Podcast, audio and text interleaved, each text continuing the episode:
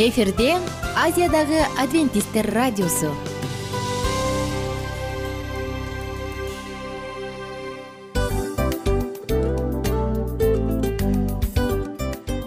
Достор салют. Баардык сүйүктүү угармандарыбызга салам айтабыз. Кутман күнүңүздөр менен. Ден соолук өмүрдүн булагы демекчи саламат саамы программасында баарыңыздарды көргөнүбүзгө абдан кубанычтабыз. Анда алгач амандашып өтөлү арбаңыздар деп. Ден соолугуңуздар кандай элибизде көбүнчө ден соолук кандай дегенде эле жакшы деп жооп беребиз э? ооруп турсак дагы жакшы дейбиз. Анан мен муну айтып ойлойт элем бул абдан сонун сөз депчи анткени бул жакшы деген үмүт да э ооба баары жакшы болот баары сонун. Деп үмүттөнүп атып эле өзүбүздү өзүбүз дарылап коебуз.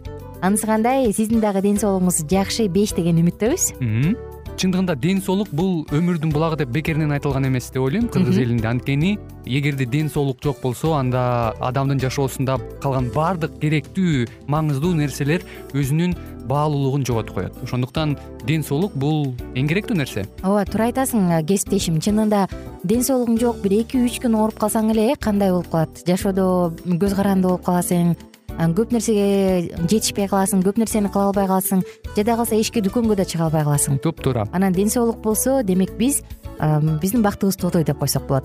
Анда достор саламат саамы рубрикабызды баштайлы. Алдыда өзүңүзгө керектүү болгон сонун кеңештерди уга аласыздар. Мына ошондуктан биз менен бирге болуңуздар. Ал эми биз болсо милан жана айнура.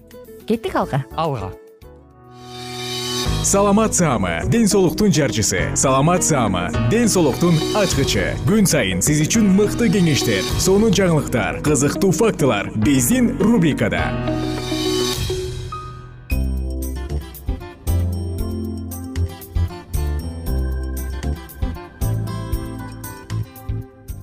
Саламат саама рубрикасы старт алды. Бүгүнкү тема тамак ооруларын табигый каражаттар менен дарылоо достор ар бирибиздин жашообузда жок дегенде бир жолу тамагыбыз ооруп ангинабыз кармаса керек э? Ооба кошулам. Бул абал абдан эле жагымсыз абалдардын бири. Бирок ошентсе дагы ангина болуп калган учурда кандай ыкмаларды колдонуп дарыланса болот? Анын симптомдору кандай жана ооруну кантип профилактикалаш керек? Мунун баардыгы алдыда биз менен бирге болуңуздар. Ангина биздин заманга чейинки бешинчи алтынчы кылымдарда эле гиппократ тарабынан белгиленген сүрөттөлгөн бирок ошого карабастан бүгүнкү күнгө чейин бул оору актуалдуу келет. Бул эмне? Бул кадимки эле таңдайдагы миндалиндердин сезгениши. Эгерде медициналык тил менен айта турган болсок миндалин бул танзилит латын тилинен танзилит деп аталат. Миндалиндердин сезгениши. Орус тилинде ангина деген сөз өтө эле сейрек колдонулат. Башка өлкөлөрдө ал эми кайсы бир өлкөлөрдө ангина деген сөздү дал ушул ооруну толугу менен сүрөттөш үчүн колдонуп келет. Өзгөчө снглардын өлкөсүндө э бул сөз латын сөзү агн анго дегенден келип чыккан. Бизче которгондо сыгуу басуу же болбосо муунтуу дегенде колдонулат. Өтө эле даана айтылган нерсе э даана эле айтылган бул жагдайды сонун сүрөттөгөн. Эгерде биздин миндалиндер сезгенип шишип ал жакта ириң чогула баштаса анан алардын көлөмү чоңоюп кетсе албетте дем алуучу жолдордун баардыгын кысат мунун натыйжасында адам муунуп калышы мүмкүн. Албетте мындай муунууга чейин өтө эле аз сейрек кездешет өтө эле өтө эле сейрек кездешет бирок ошентсе дагы адам муунтуп жаткансып дем ала албай кыйналат. Эми болсо достор келиңиздер. Кантип билебиз симптомдорун айтсак оозду чоң ачканда тамак ооруйт. Адам өзүнүн шилекейин жута албай калат жакшы ал эмес ал эч нерсе жутмак тургай шилекейин дагы жута албай кыйналып калат. Жалпысынан ангина бул инфекциондук сезгенүүчү оорулардын катарын толуктайт. Анан интоксикация симптомдору менен кеңири таркалган. Мында адамдар өздөрү байкабастан башында бир аз эле алсырап тамак ооруган мен суук тийип калды сезгенип калдым деп ойлоп отуруп бирок күчөтүп дагы жибериши мүмкүн. Эми достор жалпыраак жалпы кененирээк симптомдорун айтсак адамдын дене табыны табы көтөрүлөт адам чыйрыгат тамак ооруйт. Бирок бул оору дагы башка ооруларга дагы мүнөздүү. Мына ошондуктан кененирээк билиш керек тамак кызарат адамдын миндалиндери же болбосо тамак бездери шишип калат анан ал жакта ак тактар пайда болот. Адамдын дене табынын дене табы отуз сегиз градус цельсийден дагы жогору болуп кетет. Ошондой эле достор моюнда лимфа узелдер ооруйт жөтөлүү жок болот мунун баардыгы ангинанын белгиси. Эми ангина болуп атканда адамдын абалын кантип жеңилдетсе болот баардыгы оңой эле көбүрөөк эс алыңыз. Жылуу суусундуктарды ичиңиз. Азыраак чайноочу жеңил тамак аштарды жеңиз. Эгерде сизге кыйналып жатсаңыз жута албай. Анда чайнабай эле жөн гана балким пюре сыяктуу тамактарды жейсиз анан көбүрөөк туз кошулган суу менен тамакты чайкаңыз. Колдон келишинче ибупрофен же парацетамол курамында бар препараттарды колдонуңуз. Бензокаин же ушул сыяктуу анестетик сыяктуу болгон леденцы момпосуйларды дарыларды соруңуз. Булардын баардыгы жардам берет. Жана спрейлерди тамакка сепсеңиз болот. Бул дагы тамакка дем алууну же болбосо тамак аркылуу дем алуу жолдорун жеңилдетет эми кийинки дагы бир кызыктуу маалыматты айтсак бул бут үчүн ысык ванна. Ооба достор кадимки эле ванна? Тамагыңыз ооруп ангинаңыз кармадыбы? Анда бутуңузга ысык ванна жасаңыз кантип? Суунун температурасы отуз градустан баштап акырын акырындан улам улам ысытып кырк эки градуска чейин жеткириңиз. Мындай процедураны же болбосо бутуңузду он беш жыйырма мүнөт аралыгында ысык сууга салыңыз. Анын аягында аны муздак суу менен чайкаңыз же жөн гана бутуңуздун таманын муздак суу менен сүртүп коюңуз. Анан кийин дароо жумбайпак кийиңиз дагы жылуу одеял менен ороп жатыңыз мындай процедураны күнүнө бир эки жолу жасап койсоңуз болот. Анан бул сиздин абалыңызды жеңилдетет. Кийинки дагы бир эффективдүү ыкмалардын бири тамакты чайкоо. Тамакты бат баттан тез тезден чайкап туруңуз. Бул инфекциялык оорудан кийинки өлгөн клеткалардан арылганга микроорганизмдерден арылганга жардам берет болгону жылуу же болбосо бөлмө температурасындагы суу менен беш мүнөт улам улам улам улам беш мүнөт аралыгында чайкаңыз. Колуңуздан келсе мүмкүн болсо ага суу кошуп койсоңуз болот. Же болбосо имбирдин тундурмасын репешканы репешок деп коебуз э репешоктун тундурмасы менен чайкаңыз. Жыт берүүчү ар кандай чөптөрдүн лаванда тимян сыяктуу чөп чарлардын тундурмасы менен чайкап турганыңыз жакшы беш мүнөт аралыгында жакшылап оозго чейин ары карай тамакка чейин киргизип чайкаңыз бирок аны жутпаңыз түкүрүп салыңыз. Күнүнө үч жолу жасасаңыз болот. Дагы кийинки сонун процедуралардын бири бул тамакка компресс жасоо. Ооба достор кадимки эле тамакка сыртынан компресс жасоо? Бул кан тамырларды кеңейтет дагы адамга адамга жутканга дем алганга чоңураак шарт түзүп берет.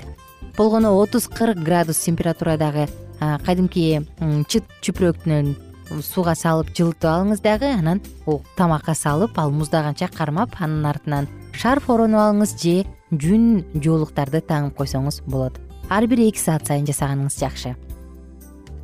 Дагы кийинки сонун бир ыкма бул буу ингаляциясы. Буу ингаляциясын бала чакта мен жөтөлүп калганда апам бат эле ушинтип чайнекке одеял менен жаап ысык суу куюп туруп анан ингаляция кылдырчу эле анысы кандай? Дал ушундай буу ингаляцияны дагы тез тезден жасап туруңуз ага шалфейдин майын же болбосо дары чөптөрдү чай багынын майын тимян сыяктуу ар кандай дары чөптөрдөн кошуп майлардан кошуп койсоңуз бул дагы сизге тез айыкканга жардам берет.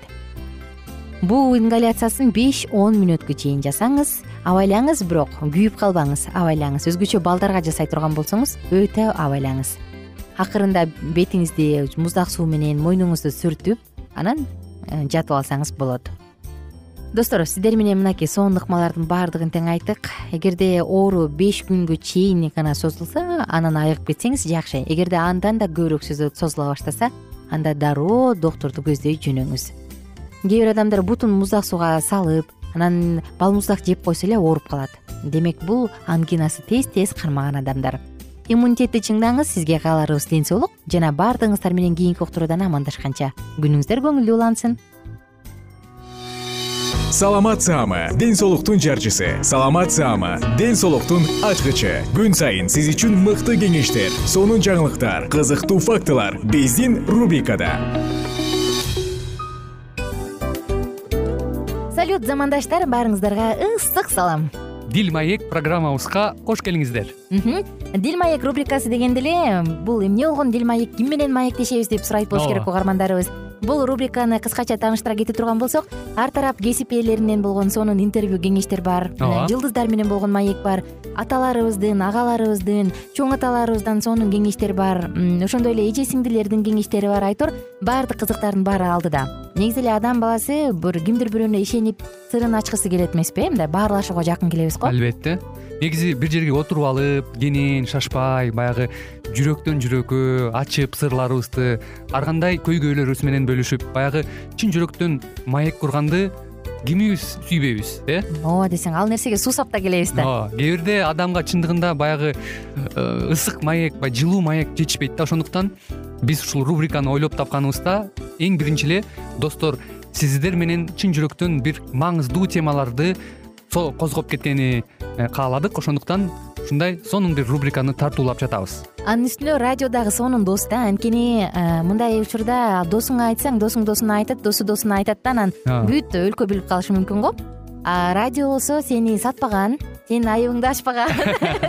Сенин сырыңды эч кимге айтпаган сонун дос мына ошондуктан биздин алдыдагы айта турган кеңештерибизди биздин досторубуздун кеңештерин угуп анан ал жака пикириңизди дагы калтырып кайрадан биз менен байланышсаңыздар болот. Деги эле жашооңузга эгерде кичине болсо дагы өзгөрүү алып моралдык жактан нравовик жактан сонун бир кеңештерди алсаңыз демек биз максатыбызга жеттик. Ооба. Чыңгыз атабыз улуу жазуучу э, чыңгыз айтматов айткандай адам болуу бул күнүмдүк процесс экен. Күн сайын адам бойдон калуу бул адамзатка эң эле кыйын дейт э? э эң кыйын дейт. Чындыгында бунун э, негизинде адамдын эң баягы сапаттуулугу адамдын э, адамгерчилиги жана көптөгөн керектүү нерселер. Мына ошол темалар дагы бизде ушул дил маекте биз аларды да козгойбуз. Ден соолук жөнүндө да сүйлөшөбүз. Сөзсүз түрдө анан милан мырза негизи айтып коюшат го. Биз көбүнчө эмнени ойлонсок ошол нерсеге карата иш кылабыз го. Ооба. Анан анысы кандай? Балким бул радио баракчада кимдир бирөөнүн оюн текшергенге жардам берет кимдир бирөөнүн жүрөгүн текшергенге жардам берет. Балким кимдир бирөөгө жашоонун маңызын тапканга жардам берер. Айтор кызыктын баары алдыда бул жөн гана кыскача жарнама анда угармандарыбыздын баардыгын кийинки рубрикабызга чакырабыз. Ал эми кызматта маңдайымда отурган кесиптешим милан жана мен айнура. Анда эмесе биз даярдаган терең терең ойлор менен таанышууга кеттик. Алыс алыс баралык. Анда эмесе достор биз менен бирге болуңуздар. Алдыда эң кызыктуу маалыматтардын баардыгы бир нече мүнөттөр бою жалгыз гана сизге арналат. Мына ошондуктан жакшы маанай менен угууну каалайбыз. Үн алышканча. Жөнөдүк. Ар түрдүү ардактуу кесип ээлеринен алтын сөздөр жүрөк ачышкан сыр чачышкан сонун маек дил маек рубрикасында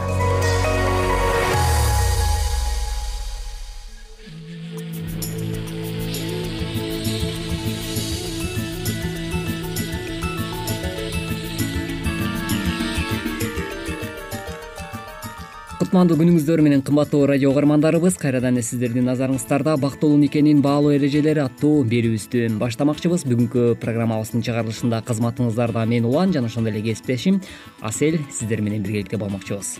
Бүгүнкү программабыздын темасына атап өтсөк ички жан дүйнөңүздөгү бакыт туурасында кеп кылмакчыбыз. Андыктан биздин одон алыстабай дал ушул мүнөттөрдө биз менен биргеликте болуңуздар баарыбыз тең билгендей эгер аял бактылуу болсо бул көрүнүп турат. Бирок биздин бактыбыз айланабыздагы адамдардан жана абалдардан көз каранды болушуна көнүп калганбыз. Эгер баары жакшы болуп жатса биз дагы бактылуудайбыз. Бирок адамдар дайыма өзгөрүп турушат. Андыктан көп учурда биздин эң жакын адамдарыбыз жүрөгүбүздү оорутушат бул жаатта абалдар да тез өзгөрүп турат. Балким бүгүн сиздин ишиңиз ийгиликтүү жүрүп жатат чоң үйүңүз машинаңыз бар. Бирок эртең баары өзгөрүлүп калышы мүмкүн. Себеби мунун баары материалдык нерселер. Ошондуктан адамдардан жана абалдардан көз каранды болбогон ички бакыт кандай маанилүү? Биз жакындарыбыз кандайдыр бир кыйынчылыктарда дуушар болуп жатса биз жакындарыңыз кандайдыр бир жакшылыктарга дуушар болуп жатышса кубанып жана күлүп жүрүү керектигин айтып жаткан жокпуз албетте табиятыбыз боюнча жашообуздагы болуп жаткан жакшы жаманды өтө жакын кабыл алабыз.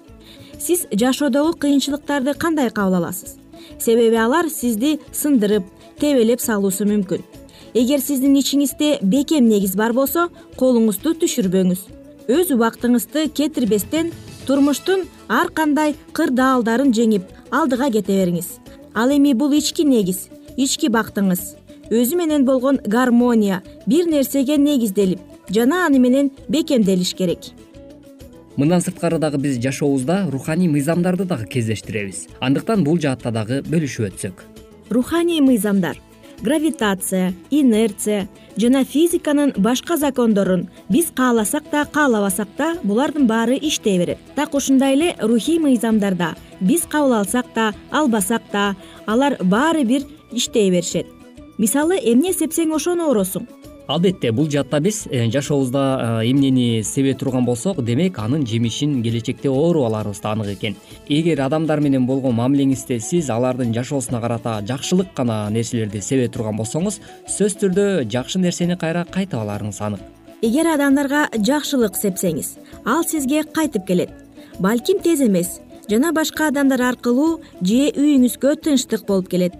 Ишенип коюңуз бул акылмандуулукту биз макалдардан ар кайсы улуттардын уламыштарынан жана ар кандай кыймылдардын саясий программаларынан кездештиребиз. Ал эми юридикалык мыйзамдардын негизи бул дагы руханий мыйзам экенин билебиз албетте биздин жашообуздагы жараткандан берилген ар бир мыйзам бул сөзсүз түрдө жашооңдо иштей туруучу түздөн түз мыйзамдуу көрүнүш экенин эч убакта эсибизден чыгарбообуз зарыл экен. Андыктан бул жаатта дагы сөзсүз түрдө жашообузда терс көрүнүштөрдү көбүрөөк кыла турган болсок анда анын акыбети жамандык менен гана кайтып келери бышык эмеспи. Ал эми эгерде жашооңузда тескерисинче позитивдүү көз караш менен жакшы гана нерселерге умтула турган болсок анда анын жемиши сөзсүз түрдө жакшылык менен кайтып келери баардыгыбыз белгилүү. Андыктан бул нерсени эч ким эмес эч убакта мындай жокко чыгара албайт экенбиз. Ошондой эле үй бүлөлүк жашоодо дагы дагы бир мыйзамдардын катарына кирген бул өзүңдүн ата энеңди сыйлоо болуп эсептелинет экен. Эгерде биз бүгүнкү учурда өзүбүздүн ата энелерибизди сыйлай турган болсок анда келечектеги биздин өзүбүздүн үй бүлөдөгү жашоо турмуштагы биз тарбиялап жаткан биздин балдарыбыз кыздарыбыз бизди дагы келечекте сыйлай биле алат экен. Эгерде биз бүгүнкү күндө өзүбүздүн ата энелерибизди сыйлай албасак аларга сый э, мамиле урмат көрсөтө албасак анда келечекте бизге э, ошондой эле өзүбүздүн балдарыбыз дагы э, сый урмат көрсөтпөй калышы дагы анык экен. Андыктан бул нерсе дагы сөзсүз түрдө жогоруда биз айтып өткөндөй эле жашообузда эмнени сепсек ошону ооруп аларыбызды бышыктап жаткандай. Демек бул нерсени дагы эске алуу менен биргеликте биз азыр ушул багытты көздөй дагы бир нече кеңештерге токтолуп өтмөкчүбүз албетте өмүрүң узун болсун десең анда ата энеңди сыйла деген сөз дагы бар эмеспи. Бул чындап эле ушундай. Өз ата энеңизди жана жолдошуңуздун ата энесин сыйлоо менен биз чынында руханий мыйзамда жакшы нерсе сеп атканыбыз анык албетте андыктан кыргыз элибизде дагы ушул нерсеге багытталган таамай айтылган эң жакшы бир макал лакап бар. Бул карынын сөзүн капка сал жана ошондой эле карыны ар дайым э, кадырла сыйла деген дагы жакшы накыл кеп бар эмеспи. Андыктан биз ар бир нерседе ушу кара адамдарга карата болгон сый урмат мамиленин үстүндө көбүрөөк э, бул мүнөздү дагы дагы э, арттыра турган болсок башкача айтканда ушул нерсенин үстүндө көбүрөөк иштеп кыскасы карыларга көбүрөөк сый урмат мамиле көрсөтө турган болсоңуз анда сиздин жашооңузда болочокто сиз дагы э, карылыктын доорун сүргөн учурда ошол нерсени кайра эле өзүңүз ооруп алган болот экенсиз. Башкача айтканда э, биз жашообузда кандай бирөөгө жакшылык мамиле кыла турган болсок келечекте ал нерсе биздин башыбызга дагы кайтып келет экен. Эгерде сиз жаман мамиле кыла турган болсоңуз анда жамандыкты гана өзүңүздүн жашооңузда көрөт экенсиз. Эгерде биз жакшы мамиле кыла турган болсок анда ошол жакшылык кайра эле өзүбүзгө кайтып келерин эч убакта унутпайлы сиз азыр ата энеңизге кылган мамилени азыр балдарыңыз көрүп турат дейли. Андан кийин ал балдар чоңоюп сиз картайганда сиз кандай мамиле кылсаңыз сизге дагы ошондой мамиле жасашат албетте андыктан ардактуу радио угармандарыбыз жана ошондой эле сүйүктүү замандаштар сөзсүз түрдө никелик жашоодо биз э, бүгүнкү учурда кандай жашап жатабыз деги эле э, бири бирибизге болгон карата мамилебиз кандай үй бүлөлүк жашоодо ушул бизден таалим алып жаткан балдарга кандай үлгү көрсөтүп жатабыз ушул нерсени дагы ар бир эле ата эне э, сөзсүз түрдө ойлонуусу зарыл экен. Андыктан бир гана жакшылыкка үмүттөнүп жана жакшылыкты көздөй багыт ала берели деген тилек менен бизге бөлүнгөн убактыбыз да ушуну менен өз соңуна келип жетти. Бүгүнкү программабыздын чыгарылышында биз сиздер менен э, адам баласынын деги эле жашоосунда жубайлардын ортосунда э, эң негизгиси биздин ички жан дүйнөбүздүн руханий абалы туурасында кеп кылып өттүк. Уктуруубузга назар салганыңыздар үчүн ыраазычылык билгизүү менен биргеликте кайрадан эле биз сиздер менен бактылуу никенин баалуу эрежелери аттуу берүүбүздөн кезиккенче аман туруңуздар ар түрдүү ардактуу кесип ээлеринен. Алтын сөздөр жүрөк ачышкан сыр чачышкан сонун маек. Бил маек рубрикасында.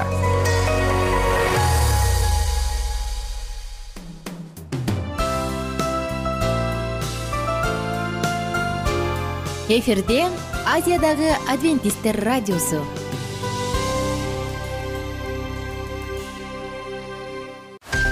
жан дүйнөңдү байыткан жүрөгүңдү азыктанткан жашооңо маңыз тартуулаган жан азык рубрикасы.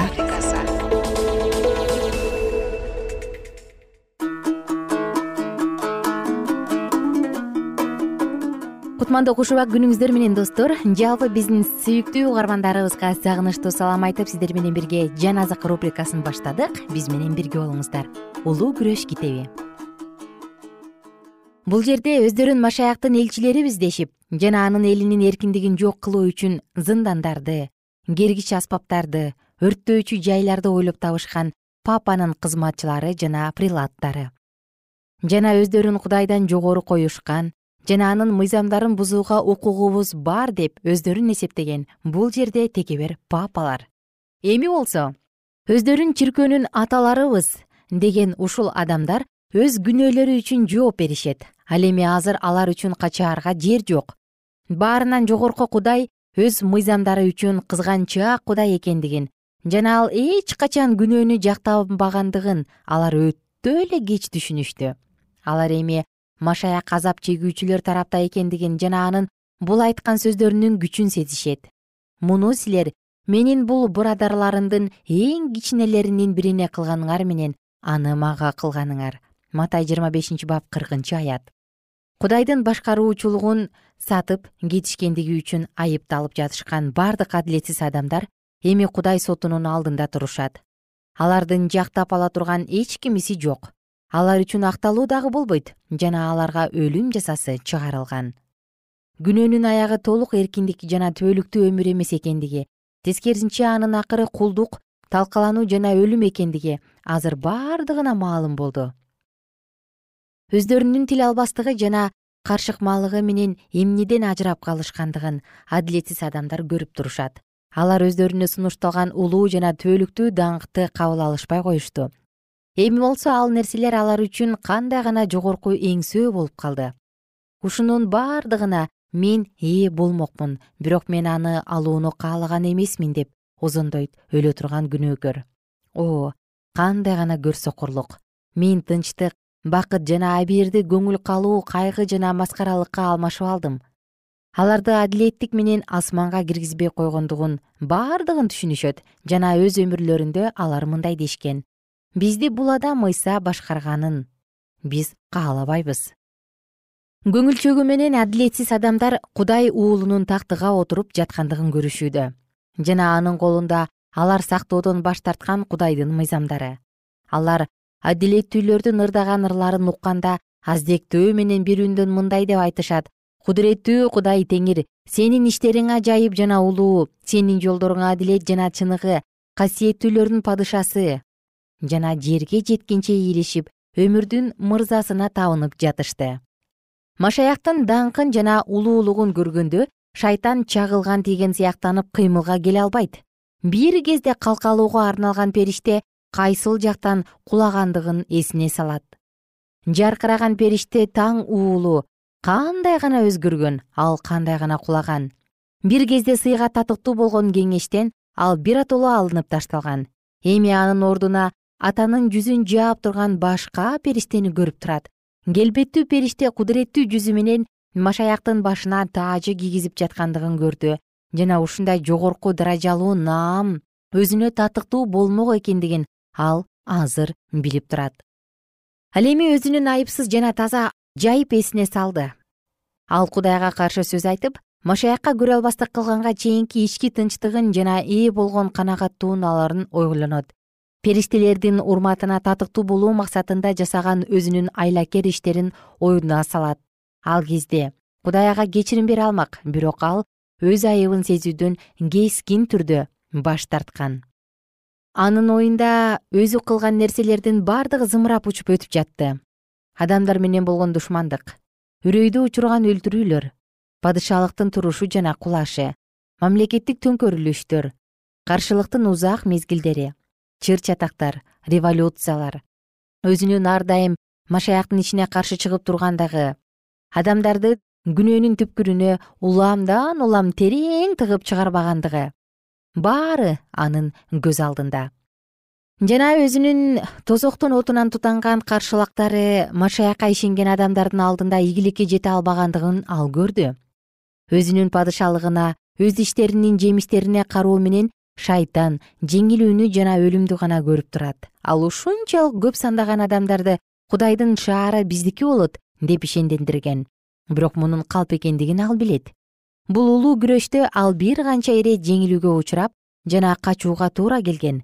Жана түбөлүктүүлүктүн күчү жана бийиктиги дагы ага аттын кышкасындай таанымал. Улуу козголоңчу ар дайым өзүнүн чыгарган төңкөрүлүштөрү көтөрүлүштөрү үчүн кудайдын башкаруучулугун айыптап турууга өз алдында максат койгон. Ушуга ал өзүнүн болгон акылын жумшады. Кылдаттык менен иш жүргүзүп ийгиликтерге жетишүү менен ал көп сандаган адамдарды бул улуу күрөштө анын чечимин кабыл алуусуна көндүргөн. Узак миң жылдардын аралыгында бул козголоңчулуктун чебери чындыкты жалгандыкка айландырды. Бирок азыр болсо анын козголоңунун акыры келип жетти жана анын сапаттары мүнөздөрү бардыгынын алдында ашкерелениши керек.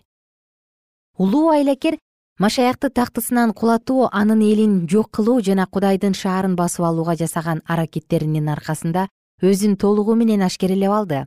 Жана ага кошулгандардын бардыгы анын оюнун толук талкалагандыгын көрүштү. Кудайдын бийлигине каршы коюлган шайтандын капкандары машаяктын жолдоочуларына жана ыйык периштелерге дагы маалым болуп калды жана бардыгы аны жек көрүшүүдө. Өзүнүн кайышкан тиле албастыгы анын асманга келүүсүнө тоскоол болгондугун шайтан көрүп турат. Ал көптөгөн мезгил кудайга каршы күрөшүү үчүн өз күчүн такшалтып жүрдү. Асманда болуп жаткан тазалык тынчтык жана келишимдүүлүк ал үчүн чыдай алгыс жаза болуп саналмак. Эми анын кудайдын ырайымына жана мээримине каршы айткан айыптоолору биротоло өчтү. Кудайга каршы айтылган айыптоолор эми анын өз башына келип турат. Азыр гана шайтан кудай алдында башын ийип ал үчүн чыгарылган чечим адилет экендигин мойнуна алды. Достор мына ушул жерден саатыбызды токтотобуз жана сиздер менен кийинки уктурууда андан ары улантабыз. Биз менен бирге болуңуздар күнүңүздөр көңүлдүү улансын бар болуңуздар бай болуңуздар. Кайрадан амандашканча